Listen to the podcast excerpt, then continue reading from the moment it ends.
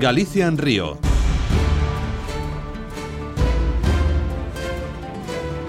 ¡Vamos, Perucho! ¡Vamos, Saúl! ¡Vamos, Perucho! ¡Vamos, Saúl! ¡Vamos, vamos, vamos! ¡Oye, oye, oye, oye! ¡Sí, oro olímpico! Os Xogos Olímpicos na Radio Galega. Que tal? Benvidas, benvidos. Edición número 17 deste Galicia en Río. Resta menos xa dunha semana Para que voten a andar o Vindeiro Benres eh, Día 5 estes Xogos Olímpicos eh, de 2016 E hoxe estamos en Laias, Pedro Pablo No que vai ser tal? Boas tardes. Que tal, moi boas tardes. Un dos epicentros do deporte galego e español durante este verán. Agora, coa concentración, por exemplo, deste equipo nacional de piragüismo do K4, eh, daqui a uns días tres semanas arrincará dende este mesmo lugar a edición 2016 da Vuelta Ciclista a España. Sen lugar a dúbidas, está sendo a capital do deporte, máis esta semana ata está selección española de fútbol sala aquí convocada porque tiño amigables que disputaban ante a selección de Egipto. Eu me pregunto que como aguantan con este calor, ¿no? Porque aquí nestes momentos vai moita calor, adestran con moita calor, imagino que, que os que están aquí, os nosos invitados 12, pois xa estarán un pouquiño máis acostumados e, e as condicións teñen que ser boas, non? Senón non estarían aquí. Non sei se será o calor que teñen en Río, creo que Río vai ser un pouco diferente. Pois imos facer un mínimo alto e preguntámoslles como aguantan aquí con esta calor os nosos dous protagonistas deste Galicia en Río. Óscar Carrera e Rodrigo Germade, os membros galegos do K4 español nos Xogos Olímpicos de Río 2016.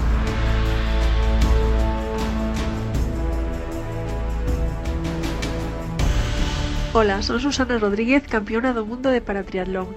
Anímovos a seguir os Xogos Olímpicos na Galicia en Goles e Galicia en Río da Radio Galega. Son Pedro unha opción, cando menos en principio, de loitar por entrar no podium. Os eh, catro componentes do K4000 metros español na proba do piragüismo nun fito histórico, posto que despois de moito tempo, despois de dúas décadas, hai un cacatro español de novo nuns xogos olímpicos e formando parte del dous galegos, Óscar Carrera e Rodrigo Germade, que seguramente soñan con ter a opción de poder estar nese podio olímpico a la o 20 de agosto. Non nos esquezamos que o piragüismo é o deporte que máis réditos deu, que eu creo que non solamente a Galicia, senón a España no, no tema dos xogos olímpicos. Galicia, obviamente, pois pois tamén, non? Cos precursores como Ramos Emisione, como que xa estiveron con Dono Galicia en Río, co David Cal, que obviamente pois pasa a ser o o, o mellor deportista olímpico da historia do, do país español e obviamente, como tamén como dicíamos, pois todas as embarcacións que van representando a España e a Galicia, todas teñen as súas aspiracións de medalla. Obviamente, somente hai medalla para tres, pero seguro que estarán aí loitando por elas. Óscar Carrera, que tal? Moi boas, benvido a Galicia en Río. Hola, moi buenas, que tal? Mm, Rodrigo Germade, que tal? Moi boas, benvido. Moi buenas. Como aguantades? Preguntaba Pedro Pablo. Moita calor, calor ¿no? para adestrar. Para adestrar, non sei se o mellor, o mellor cando a, a, o carón do río vai un pouquiño menos ou non. E Pedro, catro sesións diarias eh? Oscar. Bueno, pues aguantamos con una visera en la cabeza y unas gafas de sol para no estar ahí con los ojos medio cerrados, pero bueno, la verdad es que aquí hace un calor bastante fuerte durante sobre todo durante la tarde, pero bueno, lo que estáis diciendo antes, nos estamos aclimatando un pouco al clima de Río, aunque por allí en Río no va a ser tan fuerte como el de aquí porque máis humidade, non? Sí, bueno, lo me da un pelín más que de la que hay aquí, pero bueno, parecida o bastante similar. Y bueno, también la temperatura no va a ser tan extrema como la que uh -huh. tenemos en estos momentos. Eh, va a ser una temperatura de 25 o 24 grados. Pero bueno. E encima vos competides eh, nunha franxa horaria na que tampouco vai pegar demasiado, non? Tens sí. que madrugar. É cedo, non? As probas do piragüismo. sempre, sempre son sí, cedo. Eh, se creo que se va a disputar casi todo en prácticamente dos, tres horas eh, para quitarse también los vientos de, laterales que dan en esa pista del mar, sobre todo a partir de 11 de la mañana, así que es cuando más se levanta. Y bueno, eh, otra cuestión también es que en Río pues no están prácticamente en invierno Mm, o sí, claro, primavera sí. o algo así, ¿no? Entonces eh, eso también va a ayudar a que las temperaturas sean más suaves, como decía Oscar, y, y bueno, podamos estar un poco más, más tranquilos compitiendo y no con esta con este calor que hace aquí. Xa coñecedes in situ onde onde ides competir en Río ou aínda non estuveches ali? Por fotos. por fotos. por referencia, ¿no? Preguntaría también. el año pasado uno de nuestros compañeros, bueno, de, hecho el K2 200 metros y, y Paco Cubelos fueron al, a un evento que se hizo allí para probar la pista de río y bueno, nos dijeron eso, que había mucho viento lateral, que la pista está un poquito llena de algas, pero bueno, supongo que eso lo habrá mejorado en este momento. Lo del viento ya no lo creo, pero por lo de las algas creo que sí. Vamos. Por eso mmm, o que decía antes Óscar, o de evitar, non, o o mm, as horas eh, nas que máis eh, pega o vento é importante e despois supoño que tamén pode ser importante elexir tamén pista, non? Mm, eh, falamos de elexir neses termos que se usan a veces os deportistas con convenme ser segundo, terceiro ou primeiro na serie para despois remar en, en tal pista de cara a seguinte rolda ou de cara a final, non? Eso puede ser muy, muy importante, porque de hecho en la Copa del Mundo pasada de Duisburg eh, se notaba que las calles tenían bastante influencia, ¿no? Eh, había calles que con determinado viento y demás corrían un poco más que las demás y eso es algo que, que conviene tener previsto para, para decir, como decías tú, pues eh, prefiero quedar en tal posición y, y, ir a determinada calle que puede ser Eh, al final bastante influyente. Porque en canto arribáis, a ver, vamos poñer eh, de riba da mesa cales son os barcos eh, nos que temos que prestar eh, máis atención de cara a esa loita polo podio.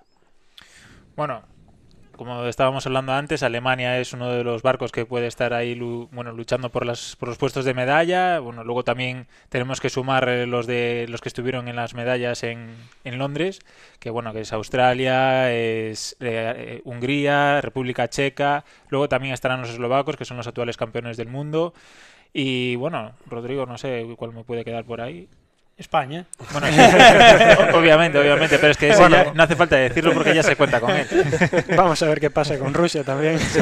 Sí, a ver. Porque, ya enseñó los dientes este año y, esperemos que, que, haya enseñado los dientes de forma limpia, ¿no? Sí, eh, porque bueno, todo, todo o que se está vivindo nas últimas semanas co, co tema de Rusia un tanto extraño. Non sei se vos sentís algunha vez eh, eh, vos dicíades non é normal o que pasa con Rusia ou, ou si é normal ou non sei como son os rusos da, da vosa categoría. Apareceron tamén así agora de, de repente? Sí, es que cada año pff, aparece un barco diferente, eh, gente diferente. Hay algunos que sí son fijos, ¿no? que, que los conoces eh, sí, que, con el paso de que los todos los años más o menos son... Sí, pero hay gente, bastante gente que, que es nueva. Entonces mmm, dices tú, bueno, es que te saca un K4, no lo conoces de nada y de repente gana. O sea, no es que saque un K4 y bueno, esté ahí, no, es que saca medalla. Entonces es un poco llamativo. Por lo que decíades, eh, por la cantidad de barcos que situades como potenciáis opcións a entrar no podio, vai ser tan difícil simplemente entrar na final como despois loitar por unha medalla, ¿no? Sí, eh... entrar a la final va a ser muy difícil, pero bueno, la medalla es la, la excelencia ya, ¿no? Eh, es dar otra vuelta de tuerca y, eso va a ser muy complicado dado el nivel que, que hay en la, en la final. Eh, son, como hemos comentado antes, prácticamente 6, 7 4 muy potentes, que la diferencia entre ellos van a ser de un segundo, segundo y medio como mucho, del primero al último, de esos 7. Y, y, bueno, eh, eso va a ser realmente realmente complicado. Pero dicía, dicía que o piragüismo deu moitos éxitos ao, ao olimpismo español, porque sen lugar a dúbidas pois sempre foi unha unha fonte de, de, de medallas, pero claro, é que ás veces parece que somente se valora a medalla, non? Vos levades moitos anos traballando, non? Un ciclo olímpico pois duramente para poder chegar, para poder estar aí, e o mellor ser quintos ou sextos é un grandísimo resultado tamén, non? Non somente as medallas. Hombre, es un buen resultado también, pero ya que vamos... Son desambiciosos, ¿no? Porque vamos, eso, vamos a ir a por no, todas. Vamos no a podemos confirmar. Eh. E xa que demostrastedes que podíades estar loitando Sí, aí sí. arriba co esa Copa do Mundo. Foi no 2014, non? Sí, ganan, bueno, cuando ganamos la, Sí, la Copa del en Mundo. Milán, y el, año pasado quedamos terceros de Europa, De Europa. eh, Quedamos subcampeones de la Copa del Mundo tamén outra vez. Este ano incluso en Duisburgo, se non lembro mal, na... quedastes na final B con mellor tempo que o gañador da final A, pode ser? Sí. sí. Es que que pasou? Aí o ese... que falábamos antes das, das eh, calles, de escoller calles. Claro. Lo que habló Rodrigo antes, el claro. tema de calles, o, por exemplo, la pista de Duisburgo es una es una pista que bueno que influye mucho del viento y entonces pues bueno hicimos un, bueno se hicieron unos cálculos ahí un poco malos y al final pues nos tocó una calle no beneficiosa. Hay que cambiar de calculador bueno ¿eh? relativamente eh, lo que lo que pasó realmente fue que no hubo cálculos de nada. Pues entonces hay que elevar calculadora. porque claro apuestas por ti eh, sabes que estás fuerte que, puedes ir a, ganar y, y obviamente no piensas que que una calle o, o el viento, las condiciones te puedan influir tanto, pero realmente sí que al final influyeron y de hecho la diferencia de, entrar en la final o no fueron tres décimas.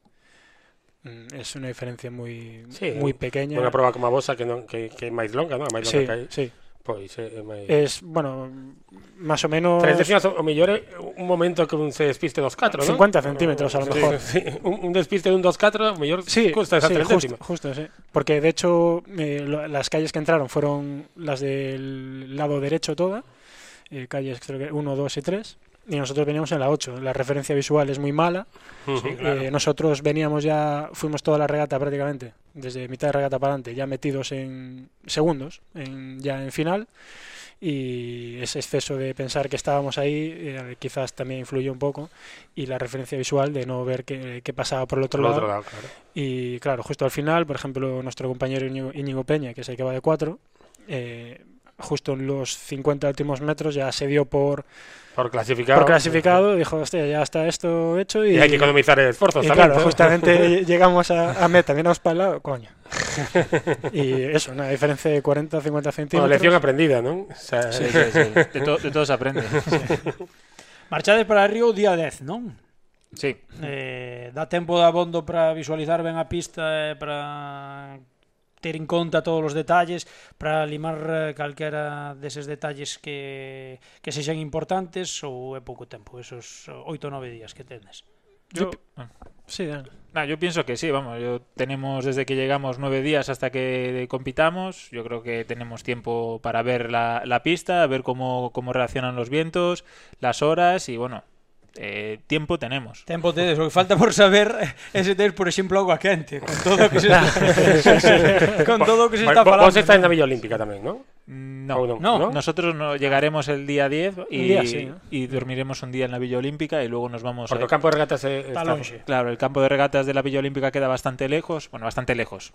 Queda, creo que son dos o tres kilómetros, pero con la, el tráfico que hay... Sí, pueden ser cuatro horas. ¿no? Exactamente. Encima se competides muy cedo. Claro, claro, entonces nos tendríamos que pegar claro. un madrugón para... Entonces la federación ya fue previsora y buscó unos, un, un hotel al lado de, de la pista y vamos, en estos momentos vamos a estar a 500 metros andando de la pista, que es fabuloso y genial.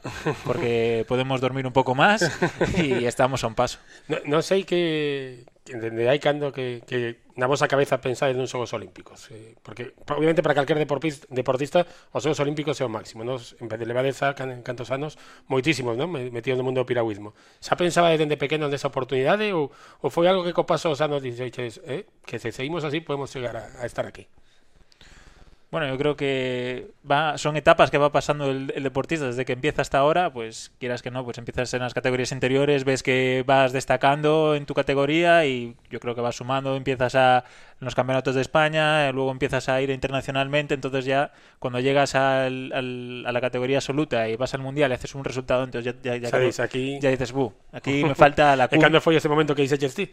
Bueno, el mío fue hace cuatro años, en el 2013, cuando en Duisburg, de hecho en la pista en la que competimos este año.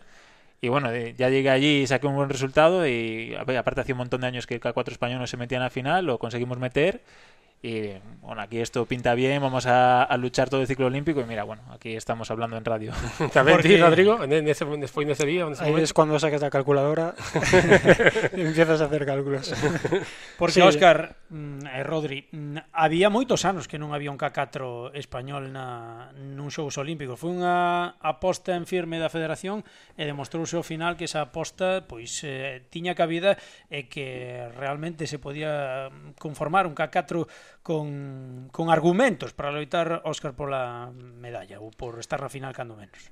Bueno, a ver, lo, lo, que la federación, la verdad, apostó por este proyecto, nos dio continuidad, cosa que no estaban haciendo anteriormente, que no estaban dando continuidad, estaban haciendo, pues en cada competición probaban un barco y en este, pues bueno, pues confiaron en nosotros y a las pruebas nos remitimos. Eh, en un mundo do piragüismo, pois obviamente son un aficionado de, de ver as probas nos Xogos Olímpicos, nos campeonatos do mundo, pois sempre un pouco tirados por, polo bon que houve en Galicia con David Cale, e son un pouco ignorante, non? Eu me pregunto unha cousa, un, un que está nun K4 nunca un non funciona ou vos decides polo meu estilo eu vou ben para un K4 eso como se elixe? ou hai un director técnico que, que vos dice ti céntrate nesta proba porque aquí podes sacar máis de ti Bueno, eh, eso suele ser el responsable del proyecto, en este caso el responsable del proyecto 1000 y hace una, un proceso de selección con varios deportistas y varias pruebas, combinaciones, estilos, como tú dices, estilos de, de paleo de cada palista, por sus condiciones o técnica o, o condiciones físicas, puedes encajar en tal puesto en tal, o en otro puesto. Entonces todo eso se va definiendo eh, durante un proceso relativamente extenso y, y al final sale sale un, un barco. Esa es la forma de, de hacer un K4. Porque como se dividen os, os roles nese, neses catro postos? Que é o que ten que facer cada un? Que, que diferencias hai entre o traballo de, de Rodrigo e o traballo de Óscar dentro do, da embarcación? Se hai algunha. Bueno, hay, sobre eso hay muchas teorías. ¿eh? Nosotros hay nos, autores, ¿no? Sí, nosotros tenemos la nuestra, que, que bueno, en principio es eh, Javi, que es, digamos, un poco la experiencia del barco. Eh, tiene un, un, paleo muy depurado, técnicamente muy bueno, eh, guía, en ese sentido, guía al barco y, y tiene mucha, o sea, sabe leer bastante bien las, las carreras. Entonces, ¿E o que o que vai máis atrás o, o no, ese, el, el, marca, de... el marca, eh, ese que, que va delante, marca. claro. Después de él, ¿quién va? Rodrigo Después voy yo, voy yo. Después Rodrigo, ¿no? Sí, supuestamente es una persona un poco más rápida, con un poquito más de fuerza y que ayuda un poco a, a que el marca, porque el marca va en la, en la, posición de adelante, es donde se va abriendo el agua y, y está un poco más dura. Uh -huh. Entonces, si el que va detrás le empuja un poco al marca y le ayuda, va a ir más, más, eh, más, Más fluido, más fluido, Más suelto. Y luego los dos de atrás, pues.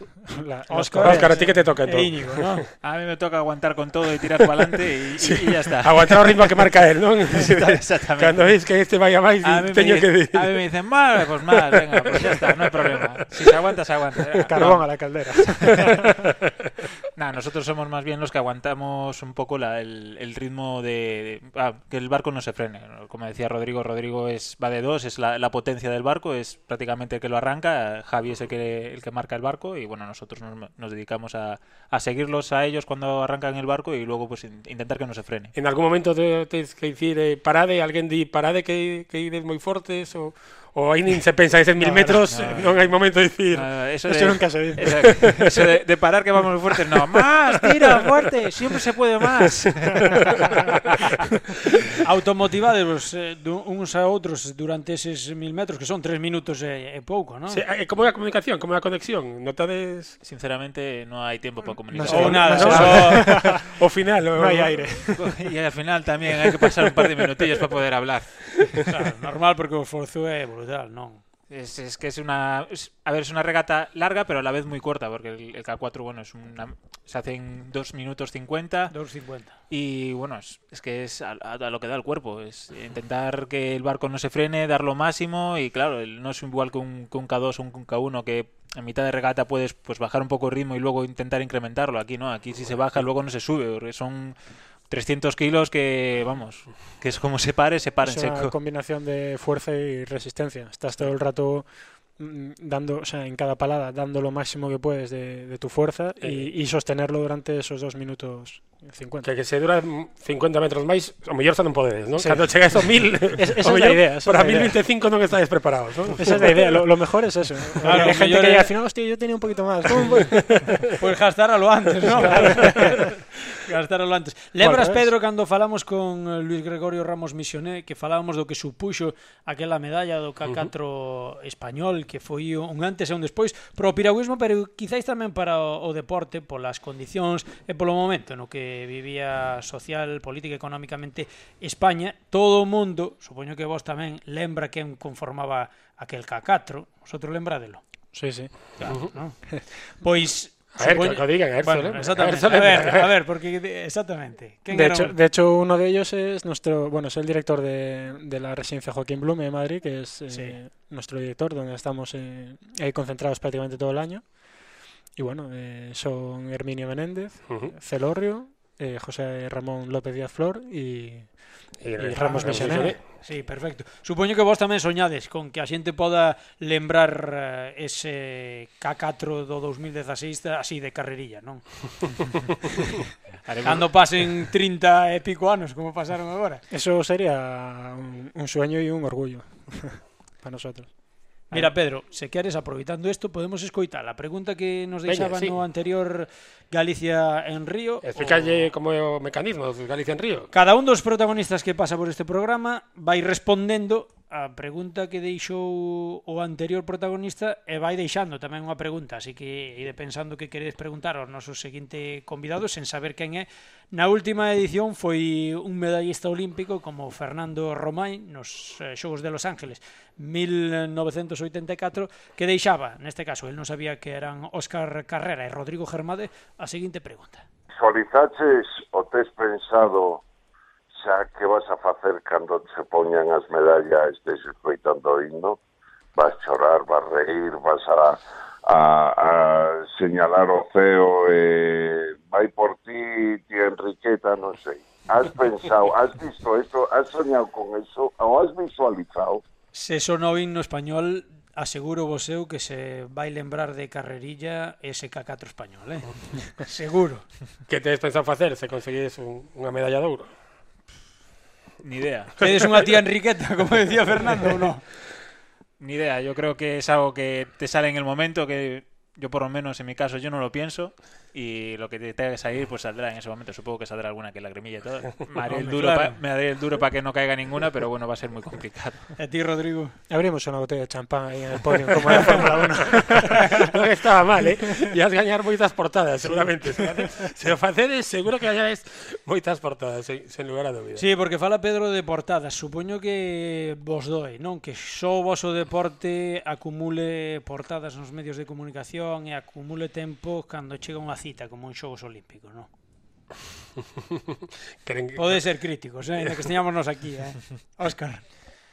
Hombre, da... a ver, es un deporte minoritario, no tiene una repercusión como puede tener el fútbol, pero bueno, sí da un poco de pena que cada cuatro años se acuerden de este deporte, podían darle un, podía ser un poquito más de difusión durante, durante el resto del ciclo olímpico y aparte que joder, España en piragüismo está a un nivel muy alto, siempre saca muy Vou facer un pouco de abogado de año, creo que por exemplo, por lo menos en Galicia, mm. pois pues, a xente está máis educada, non? Porque os grandes éxitos do deporte galego veñen da mando do piragüismo, moitos deles, non? Sobre todo a nivel olímpico. E sí que que nos medios de comunicación galegos sí que creo que non o mellor obviamente pode loitar co fútbol, pero sí que en campeonatos de Europa, campeonatos do mundo, campeonatos de España, sí que ves que Sí, é un deporte que, que aquí en Galicia que sí que se segue. Non sei sí, se o piragüismo fora de Galicia ocupa as páxinas que leva, xa non falo de, de, de radio, senón nos xornais, incluso no, nos xornais locais, basicamente, ¿no? Por lo menos no sur de, de Galicia que onde onde máis vos sodes un de tú e outro de Cangas, se non me equivoco, sí, non? Pois, sí. a, a, a xente máis ou menos pois hai de, do sur de Galicia. Bueno, yo la verdad que no, no sé muy bien qué tipo de repercusión tiene fuera de Galicia, porque bueno, no, no suelo leer mucho el periódico eh, escrito eh, en papel, pero bueno, yo creo que en nuestro caso, por ejemplo, llegamos a tener bastante repercusión. ¿no? Eh, salimos alguna vez en, en marca con un par de páginas, que ya es tener dos páginas en piragüismo. En, polideportivo en marca dos páginas en moito. sí. y bueno, yo creo que en cierto modo a veces conseguimos darle darle eh, vidilla a, nuestro deporte y, darlo a conocer. Pero sí es verdad que, falta, falta mucha repercusión y, que sea más visto y, más, entre comillas, valorado por la prensa, ¿no? Y, porque, como decías tú antes al principio del programa, es un deporte que, al, al olimpismo español ha dado muchísimo, si no de los que más. Y bueno, yo creo que merece al menos un pouco máis de, de repercusión. En o vosso entorno, cos vosos amigos sois recoñecidos, imagino que sí, porque vos perdedes moitas cousas, non? E dirán, estes nunca están disponibles, non? Pero sí que, que notades que, que sois recoñecidos po, polo que facedes? Sí, bueno. amigos, familia, ou algúns di, pero que, que estades facendo aí todo o día metidos na casa, ¿no? todo o día destrando, catro sesións, mes de suyo. Pero bueno, eso eh, sí que lo dicen, pero bueno, a quien quiere algo, algo, algo le cuesta, ¿no? Entonces, pues sí, pero bueno, por lo menos en mi caso, sí, me reconocen, le gusta que consiga resultados y bueno, yo, yo me alegro de que a ellos les guste. ¿Van a ir a Río? ¿Va a ser apoyo de familia o...? Sí, mis padres van, van a ir. Mis padres van a ir. Mis padres igual tamén. Sí. non se lo podían perder. E os seus amigos que recoñecen o apoio tamén, Rodrigo?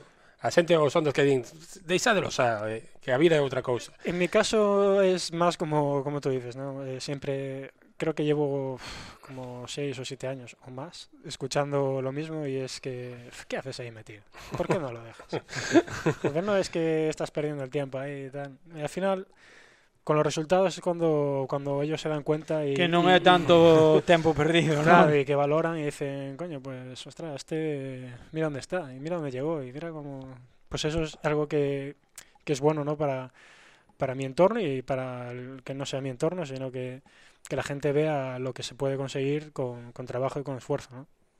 E máis alá do aspecto meramente deportivo neses Xogos Olímpicos, que vos eh, gustaría poder vivir. Non vades estar na ceremonia inaugural, pero mm, que vos gustaría ou que pensades que, que van significar máis alá do aspecto deportivo uns Xogos Olímpicos? Óscar. Yo? Sí, tú. Despois Rodrigo, pero primeiro ti.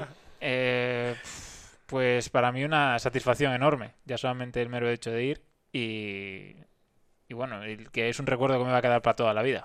Vades ter pouco tempo non para convivir co resto dos deportistas de outras disciplinas, non? Falábamos antes, non vades estar... Si, vos, vos estades... Eh, é que non, po olímpica. non podes nin ir a ver outra competición, non tens que descansar despois de, de, das primeiras probas, imagino, mm. que tes o asusto o tempo para pa facer ese 500 metros de hotel a, onde o campo de regatas eh, e, e pouco máis, non? Claro, el tema é ese, que como competimos de los últimos, la, creo que la última prueba despois nuestra es el maratón del atletismo, mm Pues claro, ya te queda muy poco que ver y, y prácticamente antes de competir mmm, dudo mucho que, que nos dejen sí, antes de competir no... ver alguna prueba. Hombre, a lo mejor alguna se podría, ¿no? Pero lo veo complicado. Porque o descanso para vos é moi importante, ¿no? O mellor non o valoramos dende fora, pero que, que vos descansedes cando non estáis adestrando é moito máis importante do que pode parecer dende fora, ¿no? Claro, el descanso es parte del entrenamiento. Si no descansas bien, luego no rindes bien. Entonces eso hay que llevarlo a rajatabla. Aparte que estar mmm, que una hora y media o dos horas de pie o sí, no poder, eso aunque ¿no? no estés haciendo algo físicamente eh, sí, muy cansa. exigente, cansa. Sí, eh, las claro. piernas se te pelmazan y bueno. Tienes que tener cuidado, pero xa non solamente nos días de prueba, a día 12 tamén, non? Xa estades con, con ese mecanismo de traballo xa dentro de vos, ¿no? Que estáis a mellor agora aquí con dos sentados, pero ides comer e logo tedes que descansar. Imagino ben descansado, sí, sí. nada de descansar dando un paseo, ¿no? Descansar no, tumbado. No, comer, luego subir a la habitación, cerrar todo así a cal y canto y a dormir. e hasta el siguiente entreno. Non é mal, non é mal plan se non houbera catro sesións de entrenamento diarias. Sí. claro, porque o día a día, non sei, a, a, vos a, a 15 días do, dos xogos, contádenos como, como que facedes, dende que hora vos a, de, despertades a, ata que a, ata a hora que vos acostedes. Que é o que facedes exactamente nun día a día? Un día a día normal a 20 días de competir nos Juegos Olímpicos. Pues ahora aquí prácticamente lo que hacemos es eh, a las 8 de la mañana nos levantamos para bajar a desayunar, Desayunamos, sobre las 9 y media estamos calentando ya para hacer la primera sesión en el agua. Y después de, de esa primera sesión tenemos aproximadamente una, una hora o 50 minutos para descansar un poquillo y volver a hacer la segunda. Y después de esa segunda, pues ya es ducharse, comer sobre doce y media, una de la, del mediodía. Y comes rápido, te subes arriba a la cueva, como la llamamos nosotros. y descansas, pues, hora y media, dos horas y vuelta a empezar. A las cuatro y media de la tarde, eh, otra sesión de agua. y cuando acaba esa sesión de agua, pues tienes otra vez otra horita más o menos. Eh, otra sesión de agua para eh, finalizar. Eh, no, ahí ya sería gimnasio para rematar. es a cear y a dormir. Y a cenar y a dormir. Pues ir bueno. a tomar algo, unha eso, nada, no, no, eso nada, eso nada. Eso de aquí no se sale. Porque aquí máis ben que traballo estades eh, facendo o de coordinación entre os catro, porque supoño que durante todo o ano non adestrades os catro xuntos. No, durante todo el año hacemos sobre todo la preparatoria en barco individual. El barco de equipo, pues lo, lo sacamos para no perder un poco el tacto, pero el resto de, de la temporada, excepto las, cuando se acercan las competiciones internacionales, lo hacemos todo en el barco individual. Y bueno, como preguntabais antes, ahora mismo estamos haciendo una puesta a punto de. Bueno, puesta a punto no empezamos, pero estamos haciendo un poco de afinamiento de velocidades y ritmo de competición y supongo que para la semana que viene o un poquito más adelante pues empezaremos ya con, con la puesta a punto de cara a los juegos. Imagino que vos tedes eh, todo testeado, non? Que sabedes máis ou menos se ides ben ou mal, non? Na, na preparación ou o mellor eh, eso non se pode levar tan controlado. Eh, sí, más o menos sí que lo llevamos controlado porque esto es un poco ensayo-error, ¿no? Llevamos ya muchos años haciendo una planificación, mm, preparando un objetivo, que es el campeonato del mundo habitualmente. Eh, y bueno, esto es una olimpiada, pero se prepara casi del mismo modo, ¿no? Y bueno, se sabe bien que haciendo determinadas cosas llegas a, ese punto eh, en un estado de forma óptimo. E, e tedes certifi- te- testeados tamén, por exemplo, en que velocidade tedes que facer individualmente cada un certos metros ou, ou iso sí que, que tam, non o controlades eh, vía reloxo, me, me refiro. Sí, tenemos eh, relojes GPS que nos marcan velocidad. E que lle metros. chega o adestrador tamén do que facedes ou non? No, no, Este sí, este sí, ¿no? no, este tampoco. Bueno, sí, pero. Pero teño pirateado. no, no llega, no llega, déjalo. Porque si non sempre exige un pouco máis, non? Sí, Sí, sí, siempre, eso siempre. siempre a más, siempre a más. que tal o trato co adestrador? Bien, bien. La verdad es un tío súper enrollado y vamos, tiene la misma mentalidad que nosotros y bueno, pues eh, la verdad es que nos lo pasamos genial con él, excepto en el agua que nos mete una caña de mama, pero bueno, en el resto de el resto del día muy bien. Pensaste xa a pregunta que ides deixar cada un de vos para o noso seguinte convidado Que deste será Galicia en Río. o último de Galicia en Río. Sí, antes de que arrinquen os xogos, sí, será a última edición. Logo comezamos Galicia Moscú. Bueno, en Moscú, en, en Tokio. Perdón, Galicia Tú en si Tokio. queres ir a Moscú, Sí, quiero ir a podemos ir. No, eh, me- Mezclo co Mundial de Fútbol, todos os organizos. Galicia en Tokio. A ver, Óscar, que pregunta, que che gustaría saber dun deportista olímpico? Eh, si, por ejemplo, hace cuatro años se imaginaba estar donde está. Uh -huh. E ti, Rodrigo, que querería saber? Que é esa cuestión, que é esa incógnita que che gustaría desvelar sobre un deportista olímpico? Pues, ¿qué sentiría y cómo celebraría el, entrar por meta o, ganar su, su final? Ese momento justo en el que se da cuenta que ha conseguido lo máximo. E vos, se tuéramos aquí un papel e pudiéramos poñer K4 español, medalla de bronce nos xogos de 2016, asinámolo ou non o asinamos, ou imos a polo ouro? Sin competir, eh? se fora bronce xa feito desde aquí.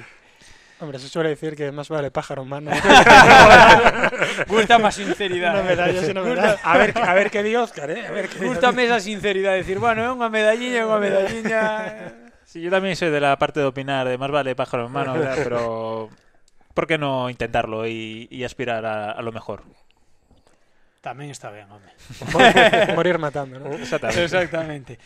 Óscar, Rodrigo, moitas gracias Que ademais estamos quitándose o descanso, eh? que están en Sí, hora de exactamente. descanso. casi. Moitas gracias Hai que por- agradecelo e moito, eh? que- por dedicarnos esta media hora do pouco tempo que vos queda libre entre aspas ah, durante todo o día. Agardamos que poda sonar o himno español para que todos eh, lembremos ese Carrera, Germade, Peña, Hernández eh, podamos disfrutar cunha medalla de ouro eh, española no K4 despois de que outro galego como foi Ramos Misioné nos dese esa gran alegría coa medalla tamén no K4 español. Óscar, moitas grazas. Moitas gracias. Rodrigo, moitas gracias, foi un placer. A vosotros, gracias.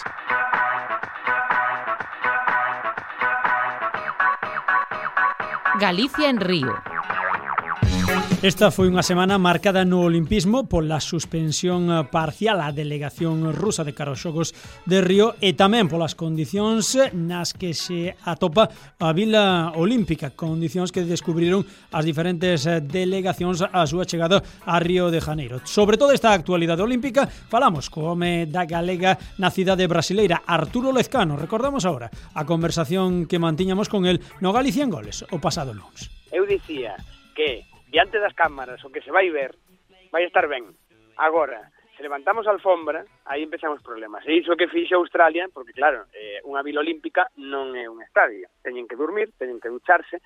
Eh, falaba desde de Italia, bueno, agora se sabe xa ao longo do día de hoxe eh, que México e Argentina tamén están nos mesmos problemas, algunhas algunhas federacións dentro da delegación argentina xa están en hotéis na Barra da Tijuca, perto de onde está a vila, esperando a que esa forza tarefa, como lle chaman aquí, 600 homes de repente para arreglar o, o que non estaba feito, pois o fagan a contrarreloxo dous días eh, ou tres na máis pura tradición brasileira Pero, claro, o que é importante é saber por que pasa isto. Podemos mm, falar eh, da cousa do tópico, de que aquí se fai todo a medias hasta o último minuto, etcétera, etcétera, pero hai máis cousas.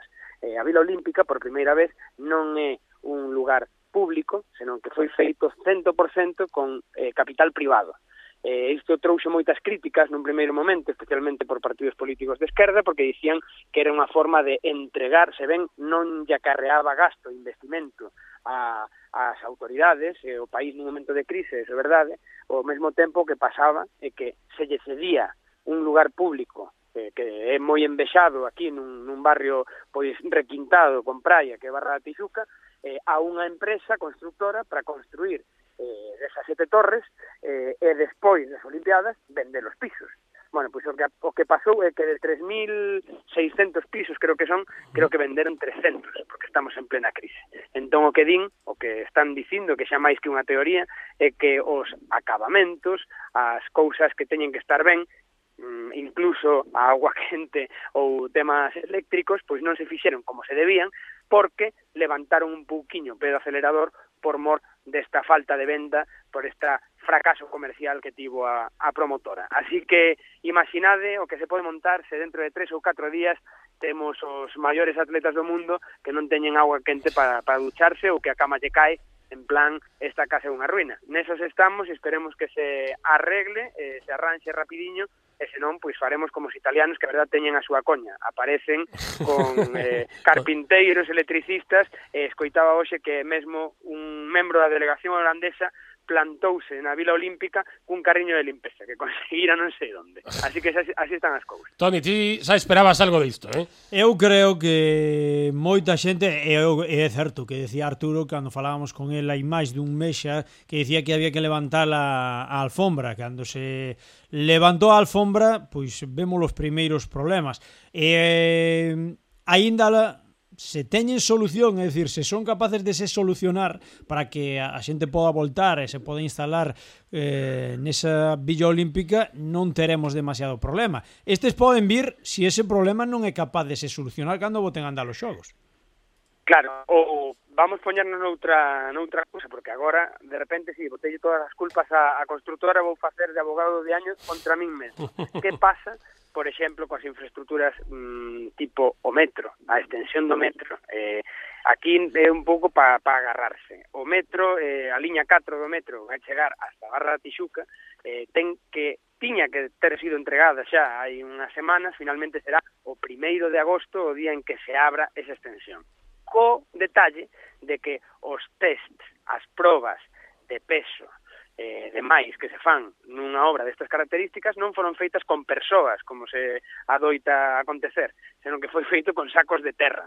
Eh, quero dicir, mm, estamos medio medio de broma, pero esperamos que non haxa ningún problema con cousas moito máis serias que a auga quente dos atletas. E do mesmo xeito, pois eh, esperar que nos estadios, nas instalacións, que algunhas delas, como sabedes, son temporarias, eu dentro dun par de días visitarei, creo que vou ser dos primeiros eh, privilexiados xornalistas que vai entrar no estadio de volei praia, eh, que está eh, unha estrutura metálica, digamos, un andamio xigante con, con bancadas como esas eh, pistas de, de tenis temporarias que se montan ás veces, como as prazas de touros, vamos, eh, eh, que moitas veces dá un pouquiño de medo velas, porque non parecen un pouco febles, vamos ver, eu vou no ver desde dentro, en un par de días xa vos contarei, porque, como vos digo, é importante que os atletas descansen, que teñan a súa auga quente, que teñan a, a luz da mesiña de noite eh, para poder ler, pero é moito máis importante que as infraestructuras e, por suposto, as instalacións deportivas estén ao 100%. Aquí sempre din que hasta o último minuto todo pode acontecer, pero cando comeza a soar o himno olímpico,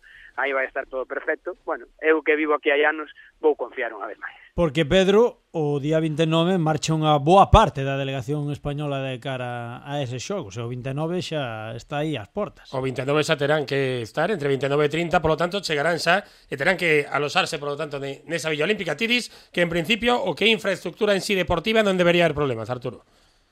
A infraestructura deportiva está entregada tamén estaba a vila entregada, eu estive no día de entrega a bombo e platillo, eh, a infraestructura está entregada é feita eh, oficialmente ao 100%. Quero dicir isto que se ti vas por aí, vas polo Parque Olímpico, eu estive validando a miña acreditación no IBC, no MBC, nos, nos centros de prensa dentro do Parque Olímpico hai uns días, e, e claro, eh, eh, algúns que chegaban, algúns xornalistas, colegas que, que, que chegaban, non como nós, que, que levamos vendo toda a obra dende hai anos, pois eh, estaban un pouco sorprendidos, non? Porque vían un montón de operarios, pois eh, pois iso, pois pe, prácticamente, como dicindo, fixando o pichi para que non salte o asfalto eh, na estrada que vai do, do IBC, por exemplo, o centro de tenis. Esas cousas que chaman a atención, pero que aquí non, porque, din, a obra está entregada, o, eh, eh, o funcional está preparado para ser usado e outros son detalles que se van facendo axeitando nos últimos días. Así que, de novo, no papel oficialmente están entregados, eh, todos esperamos que, que estea ao 100% real cando comece o, o evento. Arturo, lia eu outro día un informe un, no que se falaba da asistencia de público de xiareiros de persoas de fora de Brasil que se pudesen achegar aos Xogos Olímpicos. Falábase de en torno a 400.000, moitos menos dos previstos eh, en principio. Mm, Todo isto seguramente está moi vinculado con esa caída nos encantos visitantes. Supoño que para a cidade en sí e para o movimento económico que se agardaba en torno aos xogos olímpicos, isto tamén vai ser moi perxudicial. Sí, de todas maneiras, eh, alguén relativizaba eses números.